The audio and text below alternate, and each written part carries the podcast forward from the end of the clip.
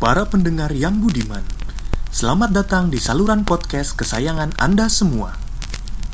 Silakan kencangkan volume suara gawai Anda untuk pengalaman yang maksimal.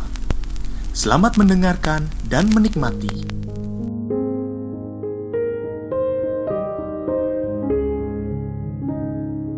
Oke, selamat pagi, siang, malam buat pendengar podcast membicarakan seni episode keberapa ya? Anjir, udah lama banget kagak ngupload.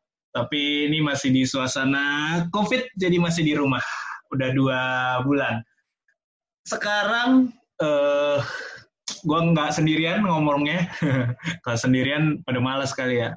Ini gue ada teman bicara. Halo, Cit. Halo, halo, halo, halo. Gimana kabarnya Pandu? Alhamdulillah, baik-baik saja. Iya, masih... Nggak ke Wisma Atlet, Mas? Kenapa? Nggak ke Wisma Atlet? Apa tuh? Ngomong apa sih? Ya, oh kirain lu kena apa gitu terus ke Wisma Atlet gitu. Oh, Ya lu kagak nyambung lu. Astagfirullahaladzim, amit-amit gue ke Wisma Atlet. Jadi ini Ocit, nama aslinya Rashid. Dulu, Hai, nama saya Rashid. jadi kita dulu pernah berteater bareng. Nah itu Mhm. sudahlah, tapi masih, ya, Ocit ini aslinya jadi dari Jogja, jadi mungkin ntar di tengah-tengah kalau dia capek pakai lu gue karena dia belum terbiasa di Jakarta kayaknya dia, Jai. dia kembali. Aduh. Jadi Bener, apa yang mau kita bicarain sekarang, Cit? Kayaknya kita bisa bicarain soal apa ya? Kalau membicarakan seni, seni dalam menghadapi the new normal gitu, anjay. Menurut lu gimana? Eh, bentar. Eh, gue pasang headset aja deh. Iya, pakai headset. Nih, PC itu nggak ikut, ya udah. Menurut lu gimana sih? Lu udah berapa lama? Ini nggak sih? EWFH nggak sih? Oh jelas. Lu tau gak sih gue kerja di mana? Di apa? Kementerian bla bla bla itu nggak sih? Ya, pokoknya di suatu kementerian lah ya. Nah, itu ada EWFH-nya juga. Oh ada. Kan sebenarnya dari dulu apa ada canangan dari Bappenas kan untuk apa agar PNS bisa kerja di rumah. Hmm. awalnya dulu menanggapi revolusi 4.0 4.0 itu. Ah, tau kan? Ya. ya Terus- terus Terus malah dikasih karena sama ada iya. Karena ada covid ini ya makin jalan akhirnya jadi kenyataan. Tapi efektif nggak sih sebenarnya kalau kalau apa nggak tahu PNS kan gue nggak tahu sih kerjanya spesifiknya. Tapi seberapa efektif atau justru mengganggu gitu? Eh, karena kan ini abruptly gitu ya. Gue gila gue ntar di tengah-tengah pakai istilah bahasa Inggris gitu. Ini kan abruptly gitu. Jadi kayak tiba-tiba banget eh, kejadian ini tuh terjadi. Jadi tidak direncanakan. Mhm. Nah, pasti kalau udah ada yang tidak direncanakan gitu, pastinya untuk eh, berjalannya situasi ini pasti nanti ada gangguan-gangguan lah.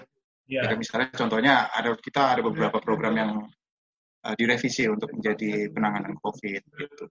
Oh, lebih ke ininya ya, apa kayak planning planning program sebelumnya. Tapi kalau misalnya kayak kerja gitu, karena gue nggak bisa ngebayangin sih kayak PNS kerja di rumah tuh seefektif apa gitu loh. Ya kalau lu mungkin nggak nggak yang kayak di kelurahan gitu ya, atau yang langsung ber Ya, bukan pelayanan gitu ya. pelayanan sih ya. Dia nggak ada nggak yang apa kayak mau nggak mau ya tetap lo harus ke kantor gitu. Kalau dari sisi gua ya, kalau misal sistem sudah eh, apa sudah siap untuk kerja di rumah, misal lumbung Hmm. data sudah ada, eh, Hmm. terus apa sebenarnya kan tugas itu kan sudah jelas apa cuman ada beberapa juga tugas-tugas yang nggak bisa dilaksanakan ketika misalnya ngurus administrasi ada orang yang memang tidak bisa komputer Oh. nah ketika dia kerja di rumah jadi otomatis pekerjaannya nanti di perlu dipikirkan ulang Hmm. Tapi emang ada ya kayak gitu ya, maksudnya yang se- ada ada ada bro. dan itu ada kalau nah, kerjaannya di istilahnya apakah dia tetap kerja di kantor atau mungkin dikasih ke yang lebih muda jadi lo misalnya ke kebagian jadi ke double gitu kerjaan Oh ya, belum bagi yang belum tahu nih, guys. jadi gue sebenarnya kan gabung di kementerian itu tahun 2019 awal ya. Ah, Which is gue masih satu tahun. iya. Berarti masih muda banget kan. Ah, Oh jelas, sebelum COVID pun udah memang dilimpahkan kepada yang muda. hmm, hmm. Tapi di situasi gini, akhirnya bos gua pun juga koordinasinya ke gua. Terus tanya gimana sarannya, ini gimana, gini, gini, gini. Kerja nanti kita gini, gini, gini. Justru tanyanya ke anak S1 ini, padahal dia udah S2 bro. Atasan lu. Iya, Iya, iya, iya, iya. Eh, terus kayak berarti udah berapa lama tuh physical distancing tuh udah berapa lama tuh? WFH-nya udah berapa lama sih? Dua, dua bulan? Tiga bulan? udah mulai sekitar tanggal 16 kan ya. Nah, ini tapi yang menarik nih. Jadi sebelum WFA itu gua sebenarnya habis dinas kan ke Bangka, ke Bangka. Terus saya pulang itu hari Sabtu, Seninnya WFA. Nah, awal-awal WFA kan masih agak ringan gitu ya, masih dianggap eh, apa? Gak dianggap serius karena belum ada yang positif kan waktu itu. Iya, iya. Jadi masih disuruh masuk kantor karena habis dinas kan pasti banyak laporannya. Hmm, disuruh nyelesain gitu dulu masih masih masuk ke kantor itu tiga hari. Iya. masih rame itu kantor. Nah, terus setelah itu ya udah sampai sekarang sama kegiatannya. Banyak yang di rumah akhirnya. Nggak pernah sama sekali belum pernah balik ke kantor lagi. udah kok kan tadi kita balik ke sistem misalnya sudah siap lumbung data. Nah tempat gue itu belum bro. Oh, termasuk yang agak belakangan. iya Iya, iya. Iya. Tapi berarti kalau dibandingin kementerian lain, kementerian lo yang bukan belum siap ya, ya maksudnya masih masih perlu ini ya, masih perlu ada hal-hal masih yang banyak yang bisa ditingkatkan ya gitulah Tapi sel- selama ini apa kalau dibandingin sama kerja di kantor gimana? Apa eh, lebih produktif, lebih banyak yang dikerjain atau justru sebaliknya? Ini lu mau gue jawab sebagai PNS yang berkata-kata baik atau sebagai pecit yang kata-kata yang ngasal nih? Kita udah tahu sih sebenarnya pasti nggak akan seefektif kalau kerja di kantor gitu kan. Ya, iya. kemukakan aja pendapat. Oke, ini gue tahu ya kalau misalnya WFH gini banyak orang pun yang nggak bisa kerja di rumah. Gue tahu banyak orang yang kesulitan mencari uang. Hmm. Kita yang kerja di biasanya kerja di kantoran mungkin Hmm. bisa dialihkan ke rumah dan tetap efektif. Hmm. Nah, tapi kalau gue mau bilang tetap efektif gue kerjanya. Cuman kan gue kebanyakan itu teknis dan itu berurusan langsung ke dinas-dinas daerah, ke transmigran. Ups, di sensor itu tadi ke orang-orang tadi itu di wilayah-wilayah gitu. Ada sensor, bukan karena transport, karena gue males ngedit aja. Ya gitu bro. Koordinasinya itu ya.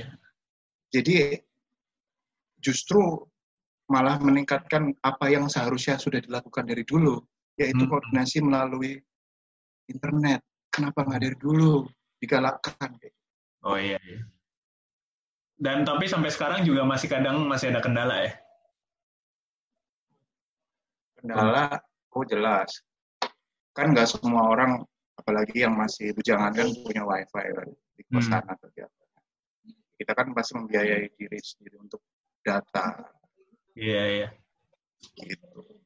Nah lu kan anak rantau ya. Lu anak rantau bukan sih? Lu native native Jakarta atau ini sih Cit? Gue native, bokap gue orang Tangerang bro, Gue, gue, gue tapi sampai SMA. gue native. Gue, gue, eh gimana sih bener G itu? Gue gue gue gue, gue native, gue native, gue native. Gue gue gue, gue, native ya? Gue native orang Indonesia. Iya, iyalah. Berarti kan kayak Ramadan, Ramadan. Bulan Ramadan ini kan eh lu di Jakarta full kan dan apa? Yes. eh, Lebaran juga gak tau lu pasti nggak mudik kan pasti di ini aja kan ya di Of Jakarta. course, man. Of course. Yes. Pasti beda kan gimana lu mengatasinya? Maksudnya eh ini memang pertanyaan klasik banget sih buat anak rantau tapi ya lu jawab aja. Gak usah dan gue kasih tau lu gak usah jawab yang terlalu ideal. Ya, lu, lu belum tanya aja, gue udah tahu kok pertanyaannya. Lu nggak usah sosok jawab iya pasti kangen banget gitu. Kalau nggak kangen nggak apa-apa gitu. Oh, klise gitu ya. Iya, Gue iya. tuh sebenarnya belum pernah lebaran nggak di rumah. Baru sekali sebenarnya di KKN dulu. KKN tuh, oh, gue nangis-nangis bro. Kita kan dulu KKN bareng kan, ya kan? Tahun maksudnya 2016 beda tuh. daerah, kan kita beda daerah. Gue juga dulu Iya KKN maksudnya pas lebaran nggak pulang karena gue KKN nggak di pulang kan? Iya. Jawa. Bukan di Jawa ya? Iya di Pulau Jawa di Sum masih Sukabumi. Di barat. Iya. Jawa Barat, iya kan jauh juga tuh. Gue, gue nangis nangis di situ tuh, telepon nama nyokap gue, kan bokap gue udah gak ada tuh, terus gue cerita cerita, lu kangen bapak ini, kangen bapak gimana, bapak bokap gue udah meninggal gitu kan, Bukan kangen lu ya? gitu. Bukan. Pas nelpon, lu nangis karena lu nggak dikangenin. Iya, Tapi kan kalau KKN kan ngapain? Ini KKN kan sebenarnya punya opsi kan buat pulang juga gitu kan. Tadi kan lu memilih nggak pulang. Tapi kan kalau sekarang Mm-mm. lu merasa lu punya opsi apa enggak? Tidak ada pilihan bro. Ya, Oh pilih. itu itu sebenarnya ini poin bagus ini. Gue punya opsi buat pulang, Hmm. gue melanggar pemerintah peraturan-peraturannya Hmm. anak kecil lewat. itu ya bisa dengan peraturan-peraturan kayak gini gue pulang ya bisa aja kalau misalnya gue nggak peduli sama peraturan pemerintah Nah, cuman sih masa sih kita yang berpendidikan kayak gini itu bukan masalah sekedar melanggar pemerintah gitu tapi kita lihat juga efeknya hmm. jadi gue lebih terima ketika memang kondisi seperti ini tidak bisa pulang. Gue nggak menyalahkan pemerintah. Memang kondisinya tidak bisa pulang. Hmm. Tapi apa komunikasi sama orang rumah tetap kan? Tetap seperti biasa. Oh, seperti biasa. Idealnya gitu, tapi yang lo lakukan juga seperti biasa. Apa? Ya berarti tetap intens ya. Ya siapa tahu. Tetap, tetap. Hari biasa pun juga tetap intens. Tapi banyak berarti kan tapi banyak anak anak di kantor lo juga yang nggak bisa pulang gitu, anak rantau. Nah itu kayak yang di belakang lo itu juga kan tidak bisa pulang. Ini orang Serang. Iya, Ada teman gue, temennya Pandu juga nih, para pendengar. para Temennya pendengar. Pandu juga, temennya Pandu juga nih satu lagi Asoy, sama asnya Diki. Diki ini sama-sama orang Jogja, sama kayak saya. Nah, Terus kalau si Egi orang Serang. Nah, orang Serang pun nggak balik loh. Masa sih? emang nggak bisa ya? Ke Serang juga nggak bisa, Ki. Ke Serang juga nggak bisa, Ki. Ke Serang juga nggak bisa. Tutup, Pak, tolnya. Tutup, tolnya tuh. Oh, tutup. Oh iya, nggak bisa nggak lewat tol ya, harus lewat tol ya. Mm, kalau mau pakai truk barang. Terus rencananya gimana nih besok lebaran? Apa yang mau dilakukan? Kan kita juga nggak bisa sholat id kan, jadi toh kayak ya Hmm. pasti sholat di rumah gitu kan, eh, di kos sorry, di kos gitu kan. Terus apa plan lu? Berkeliling Kan gua baca-baca dalil. Subhanallah. Dalil apa nih? Bagaimana cara sholat id gitu kan. Sendirian di rumah gitu kan? Bagaimana? Ya, takbirnya tetap banyak apa enggak gitu kan. Tapi urusan makan itu aman. Oh aman. Kan gue digaji bro. Aman dong. Enggak maksudnya siapa tahu ada yang ngirimin gitu kan, ngirimin hampers sama parcel. Eh, Hampers. perbedaan hampers sama parcel tuh apa sih? Kenapa sih sekarang ada istilah hampers? Anjir gue kagak ngerti. Kenapanya ya? Sebenarnya dari 5W1H, pertanyaan paling sulit itu adalah kenapa. Lantas, Jadi ini jawabannya sulit juga nih mikir. Tapi yang bisa gua tarik dari pertanyaan itu jawabannya adalah orang Indonesia itu tuh suka dengan istilah-istilah luar, apalagi yang baru. Nah, kita itu dulu sempat zaman-zaman 9gag itu sempat ada ngetren tentang anti mainstream, ya kan? Hmm. Jadi orang pengen beda pasti. Ada hal baru, dapat kosakata baru nih, hampers, Iya. langsung dipakai di mana-mana. Padahal pun kita juga pakai parcel nggak apa-apa. Emang parcel bukan sama aja. Parcel juga istilah luar nggak sih? Nggak tahu gue. Iya, par parcel. Oh, ya Par- merek apa itu? Merek apa? Roti-roti itu? Hah? Pak Parsley ya? Oh, Parsley. itu gue jawab sendiri dong. Podcast ini tidak disponsori oleh Parsley. tidak apa-apa. Tidak apa-apa. Ya, ya, ya. Bukber juga hilang kan? Kita nggak pernah bukber kan? Gue nggak pernah Iya. sama sekali. Ya, sangat menghemat sih memang. Dan apa? Artinya sekarang kalau gue sih kemarin kayak menghemat duit tuh akhirnya bukan buat bukber karena emang nggak bisa bukber kan di luar gitu kan. Akhirnya bukber sama keluarga sama kalau nggak itu ya kirim-kirim makanan aja, kirim-kirim makanan tuh asik ternyata. Uh-uh. Pakai apa tuh kirimnya? Pakai Grab dan po- apa?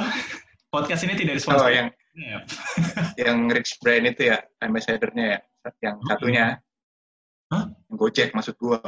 Oh, sorry gue nggak pakai Gojek. Pakai Oh iya, lu nggak pakai Gojek ya? lebih murah soalnya. Lebih murah Grab. Dari Singapura, eh Malaysia, nggak tahu gua sih. Iya, iya. Singapura, Singapura. Singapura ya. Lu juga nggak pernah bukber. Bukber kalau di kosan gimana? Iya, sama orang-orang itu lagi. Ya, gini. Kadang-kadang buka sendirian di kamar, kadang-kadang sama teman gua si Aso.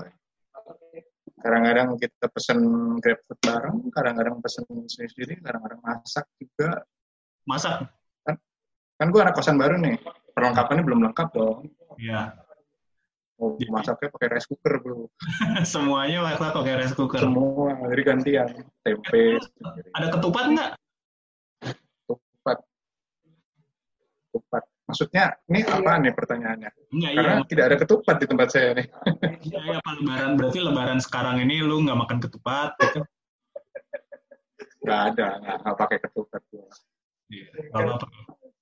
Jangan sedih. Nggak ya. apa-apa juga. Gue bukan orang yang suka dengan Simbolik. apa itu hal yang diulang-ulang gitu loh.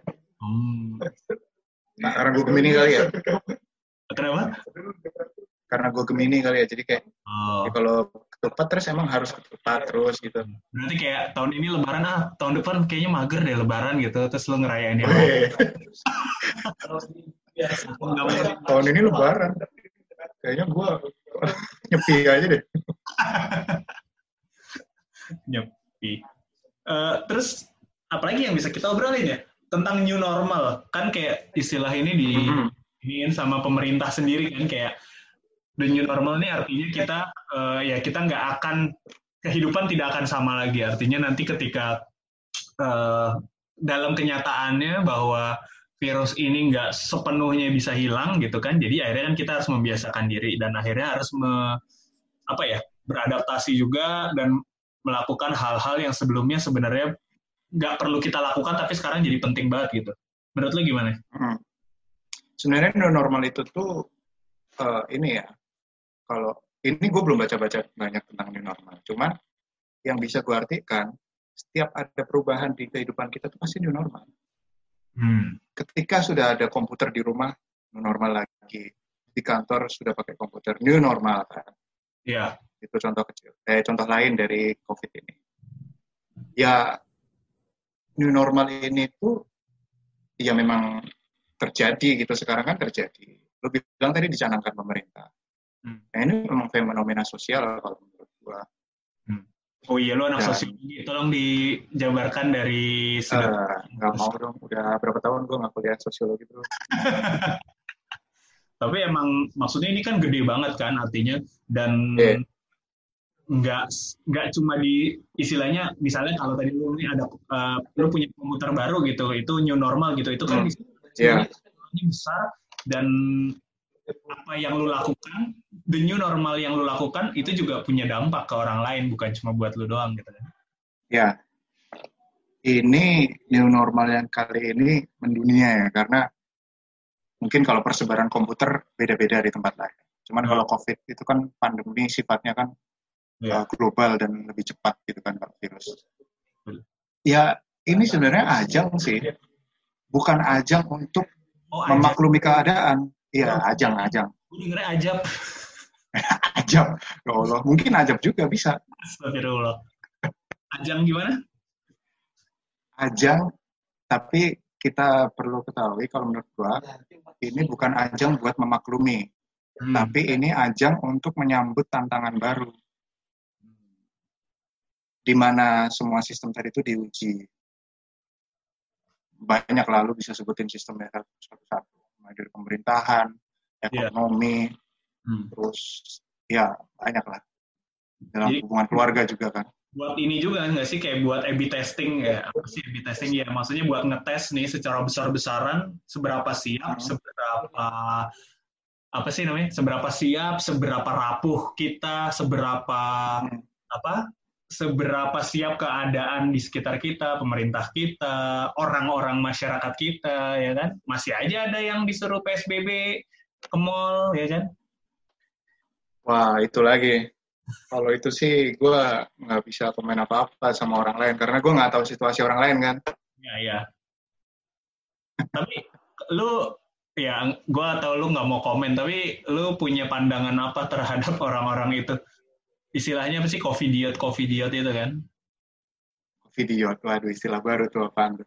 covidiot itu kalau di jadi ada kayak di istilah baru covidiot tuh gue nggak tahu ada padanannya nggak ya dalam bahasa Indonesia kayaknya belum ini tapi di istilahnya di luar tuh udah ada covidiot tuh ya artinya orang-orang yang secara mungkin secara sadar harusnya dia tahu bahwa karena COVID ini dia tidak boleh melakukan A atau harus melakukan A, tapi dia justru malah berlaku sebaliknya gitu. Dan akhirnya malah membahayakan dan merugikan orang banyak. Itu sih. COVID dia.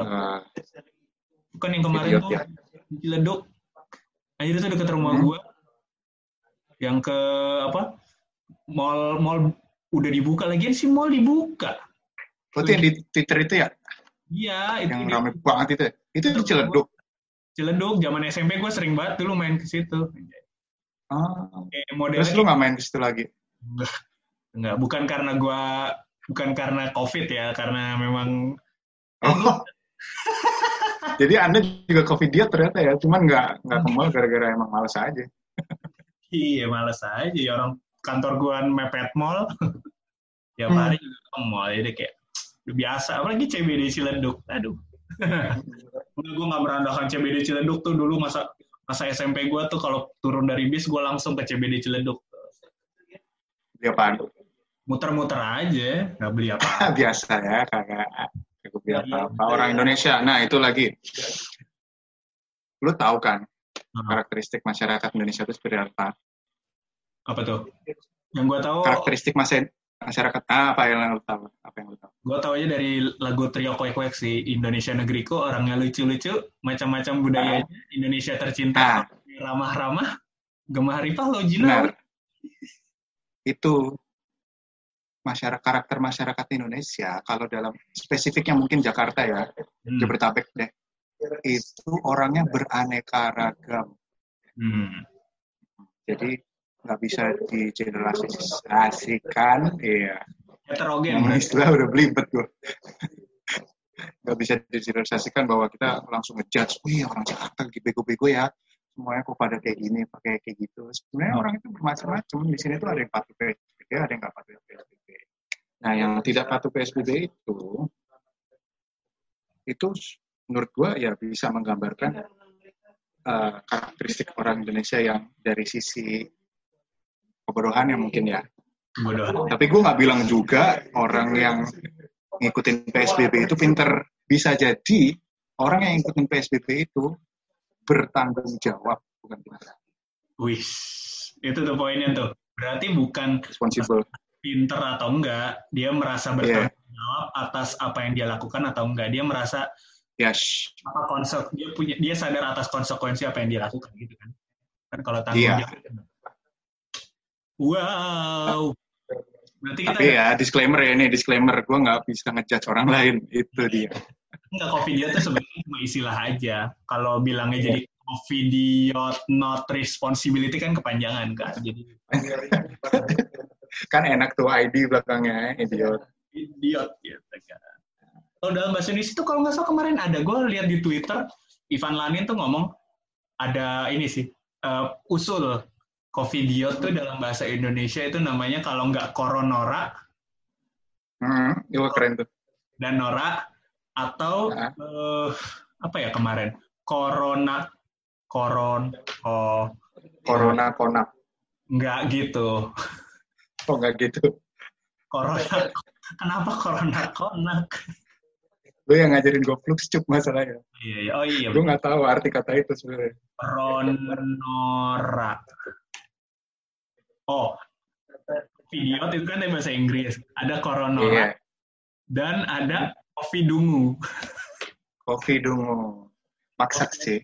Kopi dongo. Karena idiot pakai pakai dua huruf. IV. Ya. Kopi dungu. Tapi kemarin tuh ada yang ini koronora katanya nggak nggak cocok karena Nora itu kalau gini COVID dan idiot gitu kan. COVID idiot. orang yang idiot di di masalah COVID gitu kan. Harusnya dia begini tapi dia gini. Si dia idiot. Tapi kalau Nora itu nggak nggak menggambarkan orang yang melanggar itu kan Bego sebenarnya. gitu ya. Heeh. Nora kan sebenarnya lebih kayak karena dia apa ya itu ada ada the new normal gitu kan terus dia kayak tidak nggak bisa nggak bisa come up with the new normal gitu kan akhirnya dia uh, justru kayak terlihat berlebihan atau gimana gitu kan nah sebenarnya kayak ada yang mengkritik bahwa korono, istilah koronora tuh nggak nggak cocok gitu tapi yang kalau yang kedua tadi apa kopi dungu keren sih kopi dungu gitu malah jadi kayak Kopi dungu ya. kayak Kayak nama kafe. Ih, merek HP, HP. Merek ini kopi-kopi kekinian itu ya, kopi dungu. Iya. Iya, iya, iya, iya. iya. Tapi kalau balik lagi tadi pertanyaan, lu merespon ya itu kan banyak berita tuh yang orang ada yang kemarin apa eh, kerabatnya meninggal karena covid, terus kayak eh, dia eh, keluarganya kayak itu mau mandiin gitu kan, eh malah semuanya jadi kena kena corona juga gitu kan. Ada yang apa eh ya itulah yang macem-macem kayak eh, apa kemarin tuh yang ke di Medan kalau nggak salah ada. Jadi pusat perbelanjaan dibuka. Rame kan tuh. Terus salah satu kasirnya ada yang kena. Terus pada ketakutan yang itu ya apa pengunjungnya pada Ah, mampus kan. ya kan? Tuh. Itu sih yang kayak gue nggak tahu sih apakah mereka tidak bertanggung jawab atau ya itu kata lu tadi ada alasan lain sebenarnya yang nggak kita tahu yang sebenarnya kalau dipikir hmm, logis juga tapi tetap balik lagi tidak bertanggung jawab Gue nggak pernah denger ya, tapi eh, untuk eh, kondisi-kondisi khusus dari mereka itu sebenarnya apa yang menyebabkan mereka ya ya melakukan itu. Cuman, Bo dilihat dari Bo, ah, itu udah mulai itu Jawa. Bo dilihat dari kacamata yang lebih luas lagi kayak efeknya gitu. Menurut gua Nora itu tuh masih relevan karena tadi gua ngomongin tentang responsibility orang yang Nora itu tidak responsibel betul merabat sih lo. Nah ini kan new normal tadi lo bilang. New normal itu tepat bagian dari perubahan sosial kan. hmm. Perubahan sosial, tapi orang-orang kita tuh masih eh, kan agamanya kuat tuh kalau mau dibilang kuat. Ah, ya, cuman ah, tidak diiringi dengan perubahan itu untuk mengikuti perubahan. Jadi dari darinya masih pakai yang dulu. Misal memandikan itu tuh adalah sunnah apa itu tadi lupa gue nggak Iya, tahu namanya itu agamis bro ya, ya. bukan muakat bro iya bukannya kayak kalau yang yang kalau misalnya sudah ada yang melakukan Iya, gue tahu itu. Itu namanya Gugur. nah wajib Ah, iya wajib apa gitu ya kan?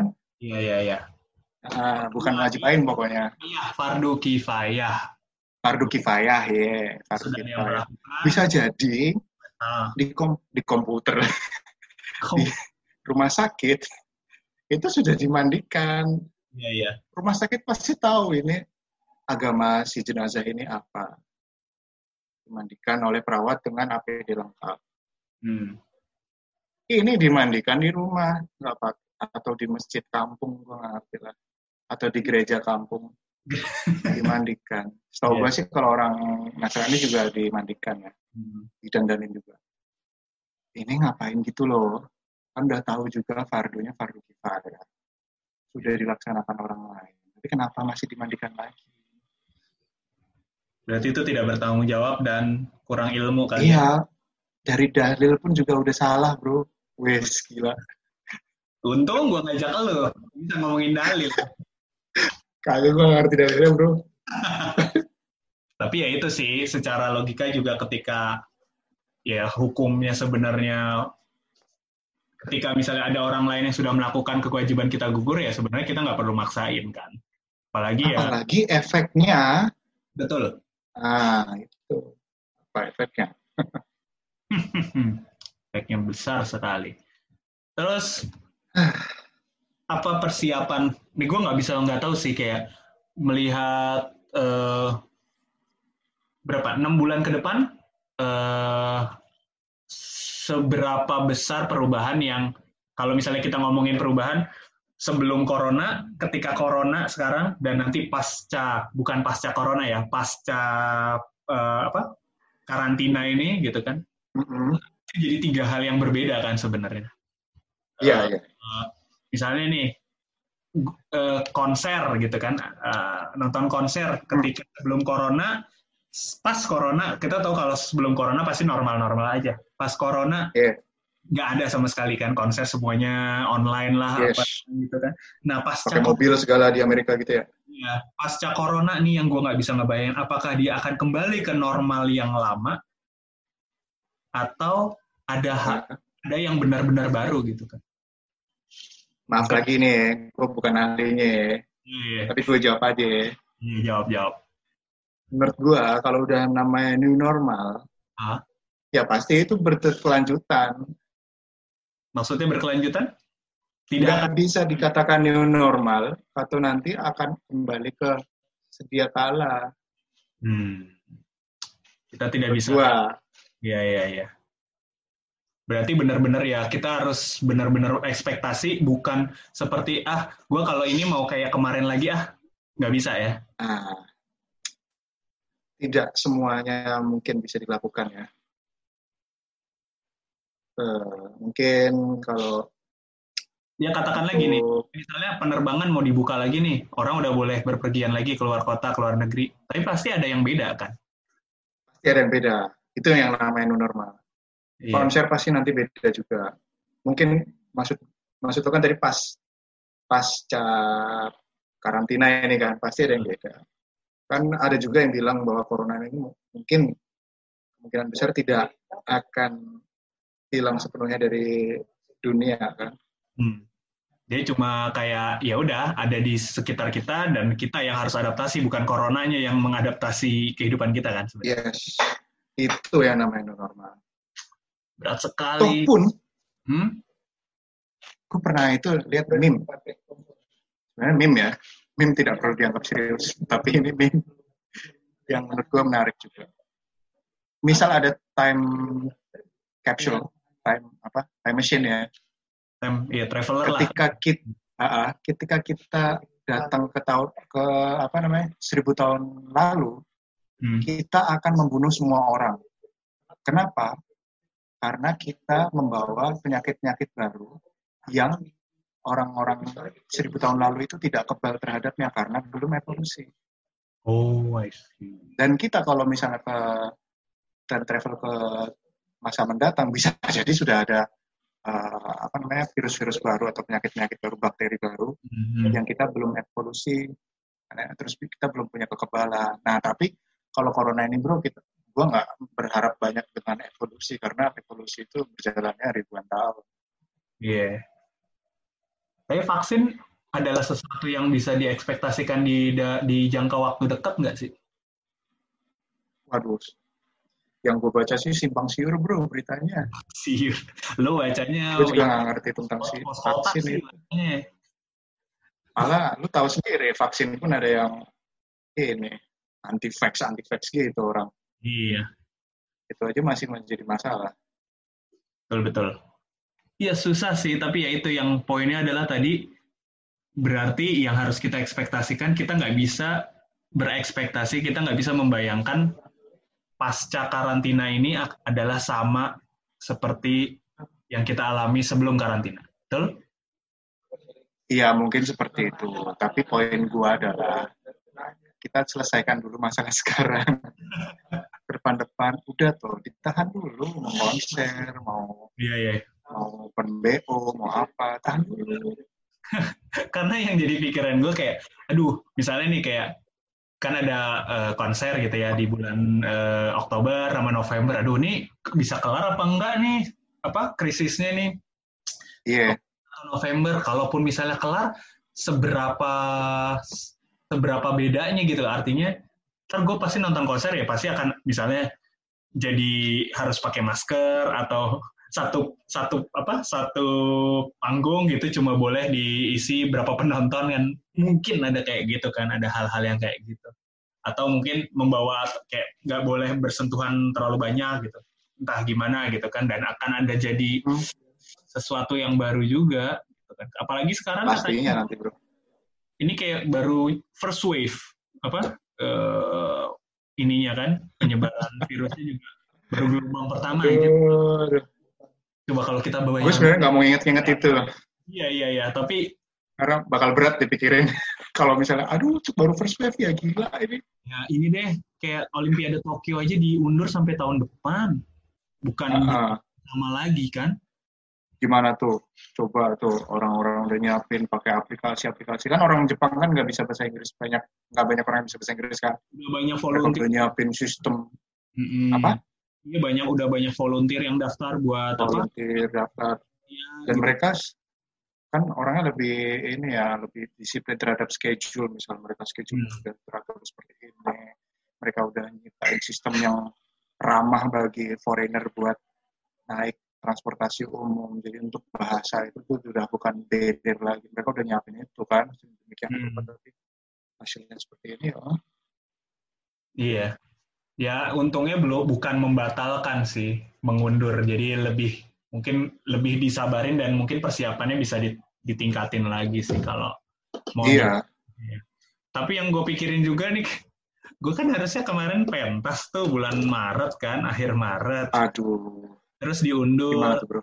tanggal ah, ah. sekarang itu tak sekarang ini tanggalnya udah diputusin tuh bulan Agustus tanggal belasan Agustus hmm. tapi dengan keadaan yang kayak gini Agustus tuh kayak just two months away gitu loh, tinggal dua bulan yeah. lagi, nggak sampai tiga bulan.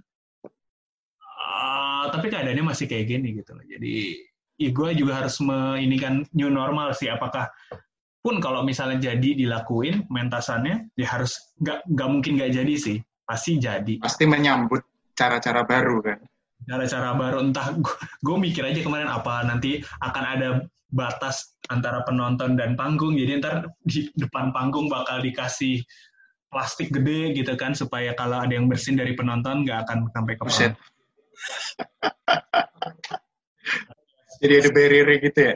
Iya ada barrier gitu. Jadi agak remang ya, agak buram tuh ya atas panggung. Agak remang ada sidik jari orang gitu kan? Sidik jari orang ada apa? Bekas-bekas orang megang itu ada hidung anak kecil gitu kan. Biasanya kalau di anak-anak kecil kan di kaca gitu kan hidungnya yang mulutnya ditempelin gitu kan. Pakai kaca fiber gitu kali ya. itu sih pakai pasti pakai masker sih. Dan kita nggak tahu ya maksudnya itu itu itu masalah yang pertama. Masalah yang kedua ya pasti akan ada misalnya nih Agustus jadi nih pentas set pentas pasti euforianya atau apa orang-orang nggak seberani ketika sebelum ada covid kan untuk nonton pasti ada kayak hmm, nonton nggak ya? Aduh, kayaknya belum terlalu aman deh. Akhirnya ntar. Itu orang yang responsibel kali ya, yang kayak gitu berpikirannya. Apa tuh? Iya, yang too responsible gitu. Dan terlalu khawatir gitu kan. Terus kayak, aduh nggak bisa, kayaknya jangan nonton dulu deh atau gimana gitu. Ya gimana, di, di luar sana juga banyak kan orang-orang yang menggantungkan hidupnya sama kesenian, sama orang ini deh, orang bikin film juga nggak tahu kan bisa kan akhirnya Iya. Season-season banyak yang yang nggak lanjut. Iya, akhirnya gue nonton kalau TV nonton Masterchef diulang-ulang, udah season dari kapan? diulang lagi. Jadi kita harus menyambut cara baru. Betul sekali. Itu udah ada animation dulu dari dulu. Animation itu tidak ada orang di situ. Apa sih animation? Oh, animasi. Iya, animasi. Iya. Tontonan-tontonan animasi kan? Iya sih. Mungkin bisa masih lanjut kali ya. Gue juga ngerti sih. tapi kayak kalau nyetelnya Mr. Bean gitu gue masih bisa menikmati sih. Mr. Bean tuh kayak episode cuma 20-an tapi diulang-ulang kayak kayaknya banyak deh kok cuma segini ya ternyata. Iya, karena dulu kita TV kita nyetelnya ini bro. Perbagian-perbagian satu episode itu yang di setel cuma seperempat. Iya. ya kan? pindah ke episode lain gitu kan baru seperempat Iya. langsung lompat ternyata pas dilihat fullnya lah panjang anjir gua kagak tahu. Ternyata nyambung gitu kan, yang Clean the Stank sama yang apa gitu nyambung kan ternyata. Spoiler tuh. Emang ada yang kalian disting ya? Iya. Kayak kayak ada yang Iya. belum kali. Terus semua umur bro nonton bro. mau warkop juga diulang-ulang aja. Juri ratu pantai. gue ngerti tuh kalau apa. Hasil lu Hmm? pernah nonton episode juri apa? Warkop dan juri ratu pantai. Pernah lu? Nggak tau nggak tahu Astagfirullah, lu salah ngomongin warkop sama gue. gue salah satu orang yang tidak tidak bisa menikmati warkop bro. iya No offense ya, Pak Indro. warkop ya ampun Cuman kalau kalau cuplikan-cuplikan warkop itu dipotong, karena kan lagi ngetren tuh out of context, ya kan? Misal bajuri out of context gitu, yang saru-saru dipotong gitu lucu kan? Nah, kalau warkop itu misalnya out of context, dipotong sebagian, itu lucu banget, parah. Jadi meme akhirnya. iya Itu new normal baru. Meme itu sebagai new normal. iya ya potongan-potongan pemerintah aja yang masih nggak dewasa, yang masih nggak dewasa menyambut meme yang nggak terima dibikin gitu. Ini dikatakan oleh seorang PNS dari kementerian. Eh, tadi, PDTT ya? Apa sih? Iya kan PDTT ya? Aduh disebut lagi. Biar netizen yang nyari sendiri oh kayak ada yang nonton aja nih episode. Emang lu viewernya berapa sih? Eh viewer listener, listener gua 400 buset. 400 400 orang. 400 eh, eh, listener tuh kayak apa sih user ya apa listener dari awal sampai akhir Iya mungkin itu ya. Tapi kalau per episode tadi gue mau lihat nggak bisa kelihatan. kalau per episode macam-macam sih ada yang oh sorry 700 total plays-nya Oh gila. gila. Lu 700. lu flexing on me ya. maksudnya Lu flexing ya. Iya, pamer sekalian. Biar banyak yang nonton. Kayak ada yang kemarin nih episode Didi Kempot, ya, yang Mhm. nonton sampai 114, padahal rata-rata tuh pasti di bawah 100. Oh. Kemarin menjemput momen aja, gue pernah kan ngebahas episode khusus eh, koplo, sebenarnya khusus Didi Kempot kan, ngom- ngomongin koplo. Iya, karena lu emang suka itu. Yang fana adalah waktu koplo abadi gitu kan. Waktu itu sama Neil. Oh, Oh, Neil pernah ngobrol di sini. Nah, itu... bilang kan dari Selasar cuma gua pertama. Ya, Neil kan bukan Selasar, eh ya Selasar, Selasar. Waktu Selasar anjir, tapi ekspatriat ya. itu, iya, ekspat dia. Ya udah, udah ngomonginnya. Tapi kenapa gue bisa come up with idea the new normal, normal yang baru, karena gue lagi suka dengerin lagunya Efek Rumah Kaca yang judulnya Normal yang Baru. Dan itu kayak, anjir dia bisa nge, nge apa namanya, ngemproyeksiin bahwa akan ada normal yang baru gitu. Ya sebenarnya well normal yang Itu baru. lagu lawas, bro. Enggak, normal itu baru tahun ini sih di iniin 2020. Oh, Tapi awal tahun itu di album barunya. Dan gue lagi Iya suka tiba-tiba kita harus mengalami normal yang baru. The new Iya. normal. Karena ERK sudah tahu tahu bahwa memang selalu terjadi. Gue aja yang terlalu mendramatisir ya. Sorry, sorry. Ya hampers itu udah dari dulu ada, cuma dipakai aja sekarang. Fallback. Iya. Dulu namanya parcel dan isinya sirup, isinya Kalau kongguan. beda kalau parcel buat rumah sakit, buah. Ya kali orang sakit eh disuruh makan buah. Yang makan yang nungguin. Itu par Iya. Eh, memang ada parcel orang sakit. Maksudnya, emang orang sakit bisa dikasih apa? Biasanya buah sih kalau buah. Tapi yang makan bukan yang sakit kan? Bukan. Yang nungguin. Kadang-kadang yang besuk nggak bawa apa-apa dikasih buahnya. Ini kebanyakan nih buahnya. Bawa Iya. aja. makan buah. ya sudah, itu saja. Sepertinya sudah cukup lama ini. Ah, closing lu kok gitu sih? Enggak ya. Terima kasih kepada Bapak Rashid Agam atas Wes. gitu. Wah, gue memang makasih, makasih berat, bro. Gue makasih banget sama lu nih. Ah, justru lu nih. Oh iya. Apa justru lu, justru lu, justru lu. Terima Iya, kasih sudah mau berbagi cerita dan berbagi pendapat di episode yang ini lumayan berat loh sebenarnya. Kalau lu dengerin Iya, episode lain tuh ada yang berat, ada yang tapi makanya. Nah. Makanya tadi pertama gue buka dengan pertanyaan itu. Kenapa gue di Iya. tema yang besar ini? karena sebenarnya saya nggak tahu mau ngundang siapa karena kemarin lagi kita lagi bekerja sama dalam Ya, project. Uh, last choice ternyata gue. Nah, yuk, lu first choice. Oh iya. Bisa ngomongin Ramadan. Oh iya tadi gue udah bilang kenapa alasannya ya. agak lebih religius sedikit gitu. Takutnya ntar gue ngomong sama yang lain mau ah, oh. Ya udahlah, Iya. ya, ini ntar Iya. terima kasih atas kesempatannya. Oh iya, gue mau shout out juga nih bentar dong. Iya, iya, boleh, boleh. Nanti kalau gue bikin lagu dengerin ya di SoundCloud. Ya, Nggak nyampe Spotify sih kayaknya. iya nggak apa-apa. Kan lu bisa upload Ya. di Spotify juga. Gue belum punya akses. Ajarin gue ya bro. Oke, Shout out to Malia and Teater Sasar. oke. Ini mumpung orangnya belum terkenal, silakan nanti di dengerin karya-karyanya. Amin terkenal ntar. Belum terkenal, iya ntar gue tunggu lu di Synchronize 2022 gitu. Aduh, udah ini normal banget. Iya, new normal. Udah nggak normal. Oke, Cip. Ini ya. Terima Yuk. kasih untuk pendengar yang mendengarkan. Sampai ketemu di episode selanjutnya podcast membicarakan seni. Thank you. Bye-bye.